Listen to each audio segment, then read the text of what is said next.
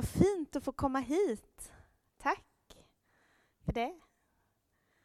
Innan eh, vi går in i, i predikan så vill jag bara uppmuntra det här initiativet med att eh, vara en del av Kulturnatten. Jag tänker att eh, igår hade vi en dag i Motala som handlade om att bli utrustade och att eh, nå nya människor. Att, hur kan vi finnas i den här tiden för människor runt oss? Och där är ju konst en, eh, en allmänmänsklig eh, beröringsyta där djup talar till djup och där Gud verkligen kan göra sig synlig eh, och leda människor till sig själv eh, i det här, vad ska man säga, ordlösa som är större ibland än det vi kan säga. Så bara en uppmuntran i det, att det låter ju jättebra, helt rätt spår, tänker jag. Vi eh, ber en bön och sen så ska vi gå in i ordet. Herre, tack för den du är. Tack för hur du är och hur du rör dig i våra olika sammanhang. Och just nu så vill vi tacka dig för det som du har gjort den här helgen här i församlingen men också i Norrköping på massa olika ställen. Eh, och vi ber dig Herre just nu att du ska öppna våra hjärtan, att du ska öppna våra öron, våra tankar, våra sinnen för dig själv, för den du är, Herre. Och att ditt levande ord ska få röra sig i oss, tala till oss. Vi ber att du ska mätta våran hunger, att du ska släcka våran törst, att du ska särskilt möta den som har kommit med någon börda hit idag som den bär på, som känns alldeles för tung. Vi ber dig Herre, kom och möt oss. I Jesu namn. Amen. Att binda mig till frihet har jag gett den här predikan som rubrik. Och vi kommer röra oss kring en text i Filipperbrevet, en Paulus-text. Och eh, sen kommer vi landa in i de här orden som lästes som inledning eh, utifrån Jesus uppmaning till att ge oss vila. Och det finns ju så många röster i den här tiden som vi lever i. Det finns så mycket röster i samtiden. Vi översköljs av information, av sociala medier, av tv, av gammelmedia med radio och tidningar och så mycket vill pocka på människors uppmärksamhet i den här tiden. Mycket handlar om hur kan vi bäst skapa ett lyckosamt liv? Hur kan jag få de bästa förutsättningarna för att mitt liv ska bli så bra som möjligt? Eh, det är inte helt oviktigt såklart. Men samtidigt som vi lever i den här tiden som har ett välstånd i vår del av världen som är större än det någonsin har varit, så lever vi också med en tickande, pockande känsla i tiden hos unga människor att ansvaret för det här egna byggandet av livsprojektet, det blir alldeles för tungt. Det är övermäktigt att försöka skapa sitt mest lyckade liv själv. Det blir en ekvation som vi inte reder ut. Och ändå så springer människor och vi själva i perioder vidare framåt på den här äh, jakten efter hur ser lyckan ut? Hur ser livspusslet ut när det går ihop sig sådär perfekt? Jag har aldrig varit med om det, men äh, man undrar ändå hela tiden, kan det hända? Den här ständiga rörelsen efter nästa steg. Men kan det vara så att det finns en oväntad lycka, en oväntad frihet i att ge sitt liv till någonting enskilt? Kan det finnas som en hemlig nyckel nyckel i att våga sluta med den här rörelsen. Att hela tiden titta framåt. Vad är det som kommer sen? Vad är det som kommer nästa? Hur ser det ut nu lite framåt? Finns det någon bättre predikant att lyssna på idag? Det gör det säkert. Kan det finnas någon nyckel i att stanna upp och att börja följa en annan väg? Under några år, kanske ett tjugotal år, så har det funnits ett begrepp som heter downshifta.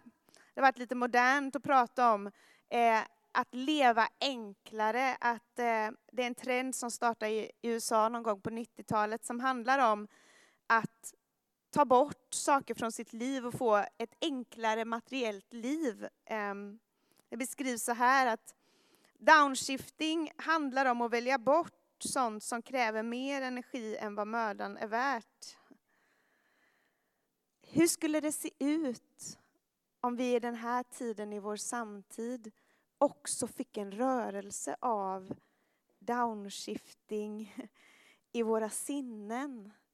Alltså om vi fick en rörelse av att hitta ett djupare fokus, en djupare vilja, en större fasthet i livet en djupare lycka som inte är så mycket byggd på omständigheterna. Som inte är så mycket byggd på våra ägodelar eller våra prestationer eller att vi lyckas få de här bitarna att följa med och gå ihop med varandra. Som är mer som en rytm som vi kan gå i, en takt som någon annan har satt ett tempo i. En rörelse att följa Ja, men vi ska spana lite efter det tillsammans tänkte jag. Och vi ska närma oss två rörelser. En som vi ser hos Paulus i Filipperbrevet och sen en som vi ser hos Jesus när han talar. Och så kan vi titta tillsammans efter, vad kan de här sakerna betyda för oss och för mig i mitt liv? Och den första handlar om någonting som är så omodernt som att binda sig till någon att binda sig till en större frihet. Paulus, kanske de ändå flesta av er känner igen eller känner till. Han var en, eh, på den tiden, lyckad man med en lyckad karriär. Eh, han hade alla de yttre faktorerna förespända sig. Alltså han hade rätt härkomst, står det. Han hade rätt lära. Han tillhörde den rätta gruppen judar på den tiden. Han var skolad på rätt sätt. Han eh, ja, kom väl från en grupp som bäst kan beskrivas som eh, någon typ av lyckad eh, karriärist, eller att han hade gjort en lyckad karriär. Han hade gjort en god ansträngning i sitt liv. Men så möter Paulus något som slår omkull alla hans tidigare föreställningar. Han möter Jesus och han möter det på ett sådant sätt så att hela hans liv skakas i grundvalarna. Och vi läser från Filipperbrevet 3, en lite längre text så ni får försöka hänga med i bilden. Alltså mina bröder, gläd er i Herren. Att jag upprepar vad jag har sagt Besvära mig inte och det ger er trygghet. Var på er vakt mot de där hundarna, de där skadegörarna. Det är där sönderskärelsen, den där sönderskärelsen. Ty omskärelsen, det är vi som tjänar Gud i vår ande och har vår stolthet i Kristus Jesus. Och inte förlitar oss på något yttre. Fast jag för min del kunde ha rätt att göra det också. Ja, om någon tror att han kan förlita sig på något yttre så kan jag det ännu mer jag som blev omskuren på åttonde dagen, som är av Israels folk och Benjamins stam, en hebré född av hebreer, i laglydnaden farisé, i trosiveren kyrkans förföljare, i rättfärdighet efter lagen, en oförvitlig man. Men allt sådant som var en vinst för mig har jag för Kristi skull kommit att räkna som en ren förlust. Ja, jag räknade faktiskt allt som en förlust jämfört med det som är långt mera värt. Kunskapen om min Herre Kristus Jesus. För hans skull har allt det andra förlorat sitt värde för mig. Jag kastade på sophögen för att vinna Kristus och få leva i honom med den rättfärdighet som lagen ger. Eh, inte med den rättfärdighet som lagen ger, utan med den som kommer av tron på Kristus. Den rättfärdighet som Gud ger åt dem som tror. Jag vill lära känna Kristus och kraften från hans uppståndelse och dela hans lidande genom att bli lik honom i en död som han. Kanske jag då kan nå fram till uppståndelsen från de döda.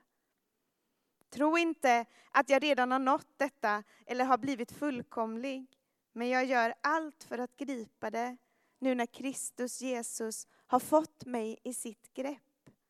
Bröder, jag menar inte att jag har det i min hand, men ett är säkert, jag glömmer det som ligger bakom mig och sträcker mig mot det som ligger framför mig och löper mot målet för att vinna det pris där uppe som Gud har, som Gud har kallat oss till genom Kristus Jesus. Det är så vi ska tänka, alla vi fullkomliga. Och har ni en annan mening på någon punkt ska Gud upplysa er även där. Men låt oss fortsätta på den väg som har fört oss hit. Man kan titta på den här texten i tre delar och det ska vi göra. Eh, I Paulus möte med Kristus själv. Paulus eh, nya möte med Kristus. Och den första frågan man kan ställa sig är, är jag verkligen fri? Är jag verkligen fri i den här rörelsen som finns i samtiden? I det här mötet mellan Kristus och Paulus så blir Paulus gamla liv satt i gungning. Den gamla bilden av det som han hade byggt sitt liv på, de här markörerna, hans egna säkerhetsmarkörer, Ehm, de visade sig inte hålla. Även om han säger själv så här, om någon kan berömma sig, om någon har gjort saker rätt, om någon har haft ordning på sin ekonomi, haft en städad familj, stått i kö, haft en bra ekonomi, haft en karriärstege, tillhört rätt grupper i samhället. Om någon har gjort det, då är det jag, säger han. Och då skulle jag kunna berömma mig. Men jag gör inte det, säger han. För vem är det lättast att släppa taget och släppa kontrollen till Kristus? För den som har fått lite eller den som har fått mycket? För den av oss som har en tro och kanske haft en tro länge, så tror jag att det finns en hälsning här. Att vi ständigt måste göra upp med våra egna säkerhetsmarkörer. Ja, men vi kan den här kulturen. Ja, men vi kan, vi vet hur vi ska göra för tron och vi kan svara rätt saker och vi är inne i en bra rytm i vårt liv. Ja, men det, det är jättebra. Det är inget dåligt. Det, det är positivt. Men det är inte det som är botten för vår tro. Och det är inte det som är botten för våra liv. Till och med där kan vi som kristna ibland leva som att vi inte behövde Gud utan att vi tänker på det själva. Det finns en inbjudan i den här texten till ett djupare liv, en djupare överlåtelse som inte bygger på mina tillrättalagda saker utan på att Gud har gripit in i mitt liv. Och för dig som kanske inte har en formulerad tro än, här finns det en utmaning att spegla sig emot. Här är det en man som har lyckats med allt och så möter han Kristus och då är det som att det andra inte spelar någon roll. Då är det som att allt det där som var förspänt för honom i livet, allt det där, säger han, det räknar jag inte längre som någon vinning. I mötet med Kristus så kommer allting i ett annat ljus. Vi är tänkta att leva i en relation till Herren. Vi är tänkta att leva i beroende av honom. Vi är skapade för att ha en nära relation med honom, att ha en nära gemenskap. Vad säger det då om det som Paulus gör? Den rörelsen som finns hos honom.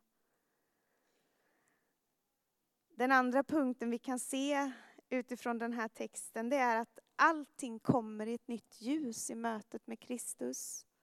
Hela Paulus liv.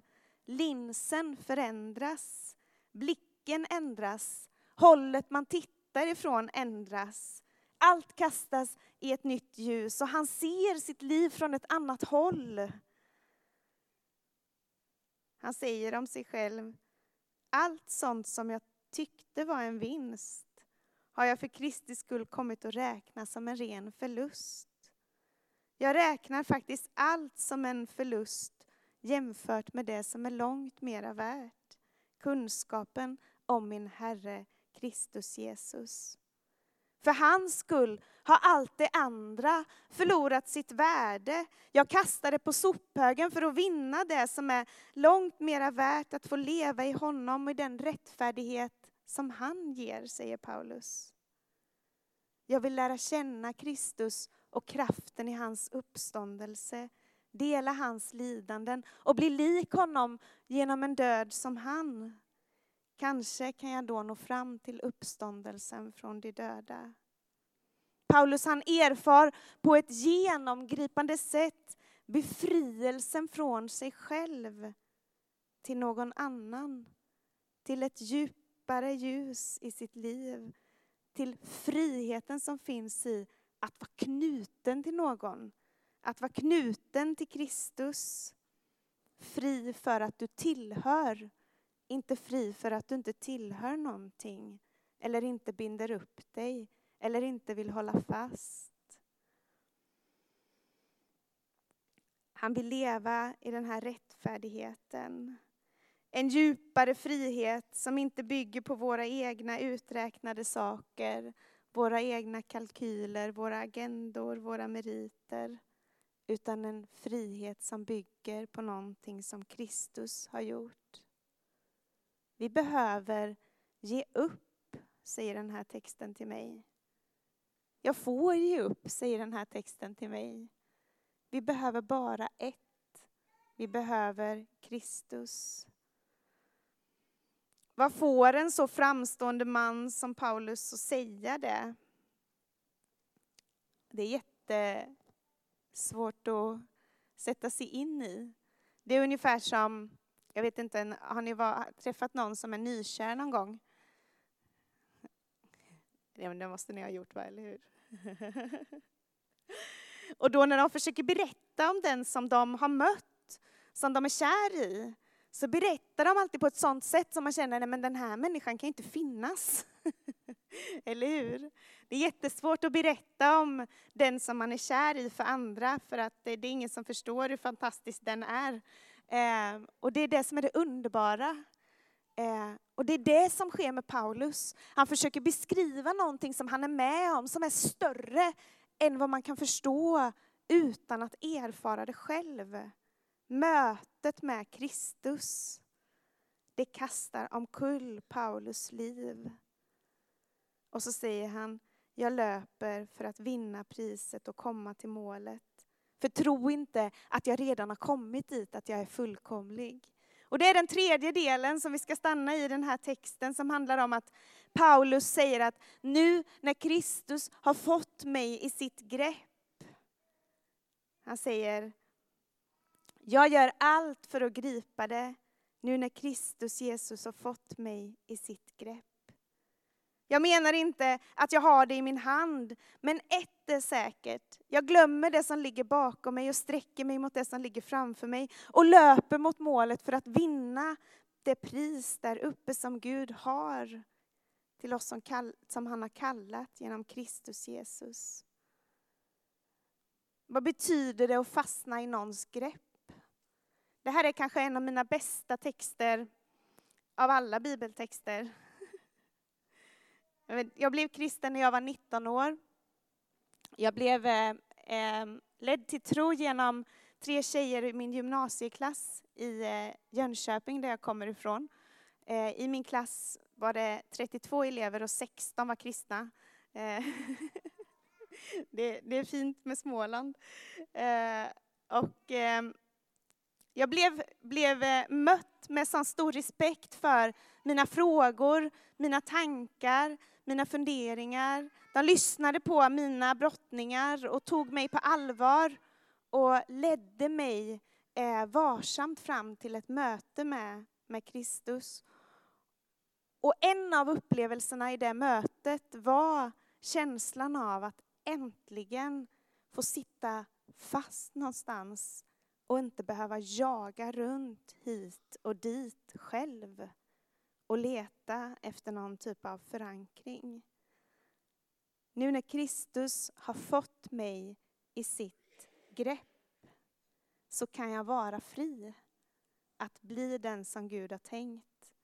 Då kan jag på riktigt få sträcka mig ut i min fulla längd, i min fulla potential. Då kan jag på riktigt få blomma. Då kan jag stå på klippan Kristus och säga, här finns en större vila att ta emot.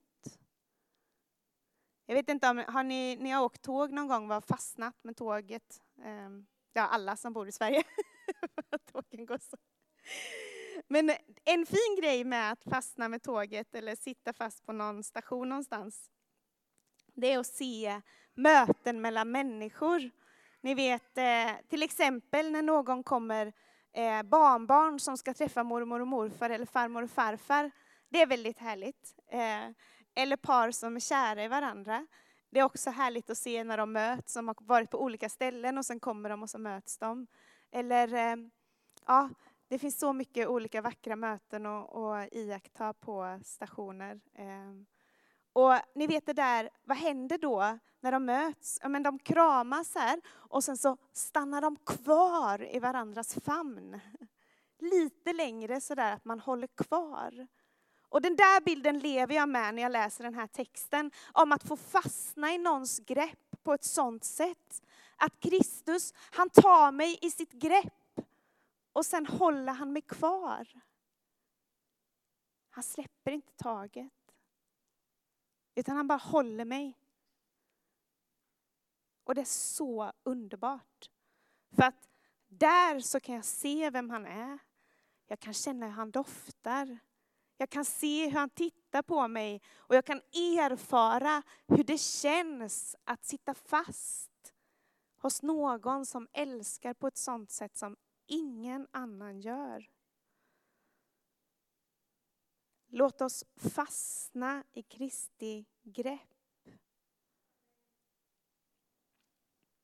Till sist då så skulle jag vilja säga någonting bara om den här rytmen som finns hos Herren till en större vila i våra liv. Ehm, jag ska, jag ska inte säga att en, eh, mitt liv är helt problemfritt sedan jag blev kristen. Jag tycker inte det. Det, det, det kanske blir nästan mer problem. Jag vet inte. Men det finns någonstans att gå med sina bördor. Jag har en större vila för att jag har någonstans att gå med det som jag bär runt på. Det som jag släpar på. Jag behöver inte rusa runt land och rike och försöka hitta vem jag är eller vilken trend jag ska följa efter. Jag behöver inte drivas av fruktan över mina egna beslut. Har jag tagit fel beslut? Har jag, har jag gjort fel? Vänta, vad händer nu? Jag, jag får såklart hela tiden brottas med att ha blicken rätt. Var ska jag bära min vånda? Var ska jag gå med mina frågor? Och hur ser det ut, det där bärandet då? Jag skulle vilja avsluta med att ge en bild av det utifrån Matteus 11, 28 som vi hörde som inledning. Där läser vi, Kom till mig alla ni som är tyngda av bördor. Jag ska skänka er vila. Ta på er mitt ok och lär av mig som har ett milt och ödmjukt hjärta, så ska ni finna vila för er själ. Mitt ok är skonsamt och min börda är lätt. Det finns något eh, nästan häpnadsväckande i det här eh, påståendet som också är lite provocerande tycker jag. Att någon säger till, till mig, här har jag en lösning för dina problem, din börda kommer bli lätt, det kommer inte vara tungt. Men är det verkligen så Jesus menar med den här texten? Jag tror inte att han utlovar ett liv utan bekymmer eller utan motgångar eller utan ansvar som tynger. Eh, men jag tror att hans inbjudan är att vi kan få bära tillsammans med honom. Att även om vi inte kommer undan bördor, någon av oss, vi kan inte bli eh, problemfria, inte i det här livet i alla fall, eh, så kan vi få bära tillsammans med honom. Då kanske någon känner att ja, men eh, i mitt liv så har jag redan fullt med saker. Ska jag också bära runt på Jesus och allting som man ska göra när man är kristen? Och ska, hur ska jag hålla ihop det där? Jag orkar verkligen inte bära runt på det också. Eh, det förstår jag verkligen. Det, det, det tycker jag också skulle vara jobbigt. Men inbjudan handlar om att få bära tillsammans med någon. Den här bilden för oket, när man läser om den, så är en av de vanligaste bilderna på den tiden att gå i ok med någon så som man spänner oxar i par med ok som drar. Tänk om det är så Jesus menar, att vi får gå tillsammans med honom, sida vid sida, och att där någonstans så kommer vi in i en rytm som handlar om, ta på i mitt ok, lär av mig, och så blir bördan lättare. Jag vet inte om ni har varit på läger och, och gjort sån här äh, tävling eh, när man knyter ihop benen. Har ni gjort det? Två stycken knyter ihop benen och sen ska man springa så snabbt man kan. Det har nästan alla gjort eh, som har varit på läger. Det är jättesvårt. Eh, ibland, eh, men det som är nyckeln i den tävlingen det är ju att man hittar rätt rytm och rätt tempo och att den som går långa steg inte går för långa och den som går korta försöker hänga med. Liksom. Och den bilden tycker jag är bra för att hitta rytm tillsammans. Alltså, ju tajtare vi blir i att bära ihop med Jesus, desto lättare blir bördan. Låt honom sätta rytmen, sätta tempot, sätta tonen och sen så gå ut på välbeprövade stigar där många har gått före dig. Gå längs vägar där andra har gått och prövat och sett att tron håller, att den bär. Eller som Paulus säger, låt oss fortsätta på den väg som vi har börjat på. Jag vill avsluta med ett, eh, ett minne och sen några inbjudningar utifrån den här texten. Eh, när vi flyttade till Örebro, det är två år sedan drygt, då var vår yngsta barn Nor, hon var två veckor. Flytta inte med en två veckors bebis, det är jättejobbigt. Men det gick ändå bra. Men eh, en dag så sitter jag på, ehm, vad heter det, BVC eller ja, man sitter där och väger och mäter och så. Eh, och vi sitter fyra mammor med bebisar i ett ganska litet rum. Eh, och det är helt tyst, som det är ju ofta i Sverige. Alla sitter tysta. Eh, och så helt plötsligt så börjar en av mammorna bara gråta rakt ut. Eh, av kanske trötthet, av eh, omständigheter, av bara känslor i eh, kroppen.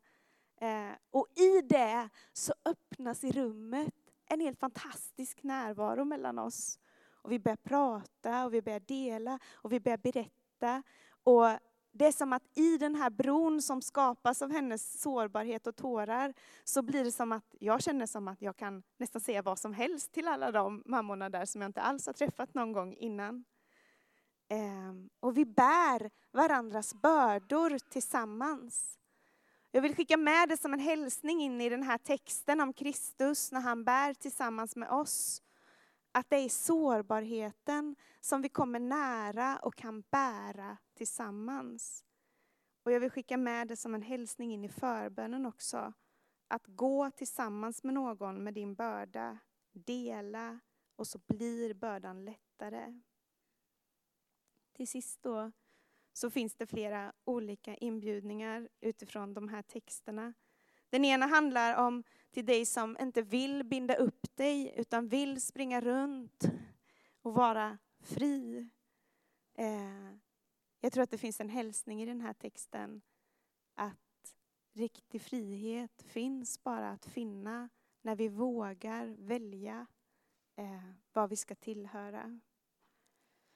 Sen finns det en inbjudan i den här texten också som handlar om den som står i kanten av gemenskapen. Eh, kanske i kanten av församlingen eller i kanten av, av och känner att nej men jag, jag är här lite på min kant. Det, är, det finns all möjlighet till det och all respekt för det. Men det finns också en inbjudan om att ta ett kliv in i gemenskapen och att våga binda dig till också andra människor och till gemenskapen.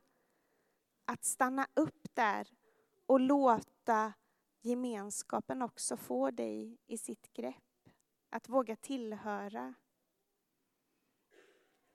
Och sen finns det en tydlig inbjudan i Filipperbrevet texten att lämna det gamla bakom sig. Jag lämnar det som ligger bakom mig, säger Paulus, och löper för att vinna det som ligger framför mig. Och det där är ju jättekänsligt att bjuda in till att lämna gammalt bakom sig. vi sitter ju alla med saker som kanske är oförsonade eller oförlåtna eller där vi sitter fast eller minnen som har skapat friktion. Men jag skulle ändå vilja bjuda in dig för att hitta en större vila. Lämna saker bakom dig och be om förlåtelse och förlåt. Det finns alltid någon som tänker, ja men det där, det där som jag sitter fast i, det hände innan du föddes Lisa och det är jättelänge sedan och det kan inte du veta. Och det, och det, det är sant.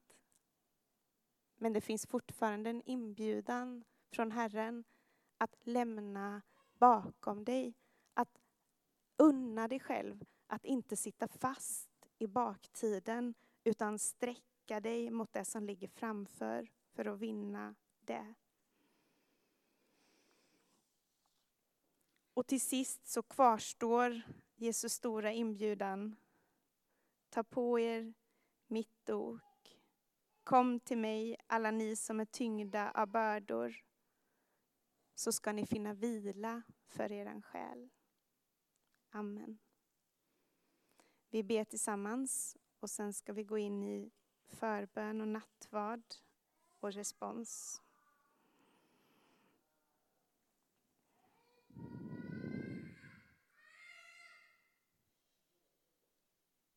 Herre, tack för den du är för oss på olika sätt. Vi tackar dig för att du vill att vi ska få våga landa i ditt grepp, Herre. Och vi ber att du ska ge oss mod att våga släppa taget. Vi, eh, du vet allt som vi bär på, vi försöker och vi vill så väl och vi håller fast och vi kämpar på och vi biter ihop och vi säger ingenting så har vi ingenting sagt eh, och alla möjliga saker. Men vi ber Herre att vi skulle få mod att landa i dina armar och släppa taget och greppet greppet och kontrollen. Så att vi kan få finna den där djupare vilan, Herre. Vi ber dig, Jesus. Vi ber dig, Herre. Jag ber särskilt för den som upplever att jag sitter fast i någonting som håller mig kvar, som kanske börjat definiera vem jag är, som, som, gör att, som ställer konstiga frågor till mig, som, som gör att jag inte kommer vidare. Vi ber, Herre, att du med din varsamma röst och din varsamma hand ska tala till oss.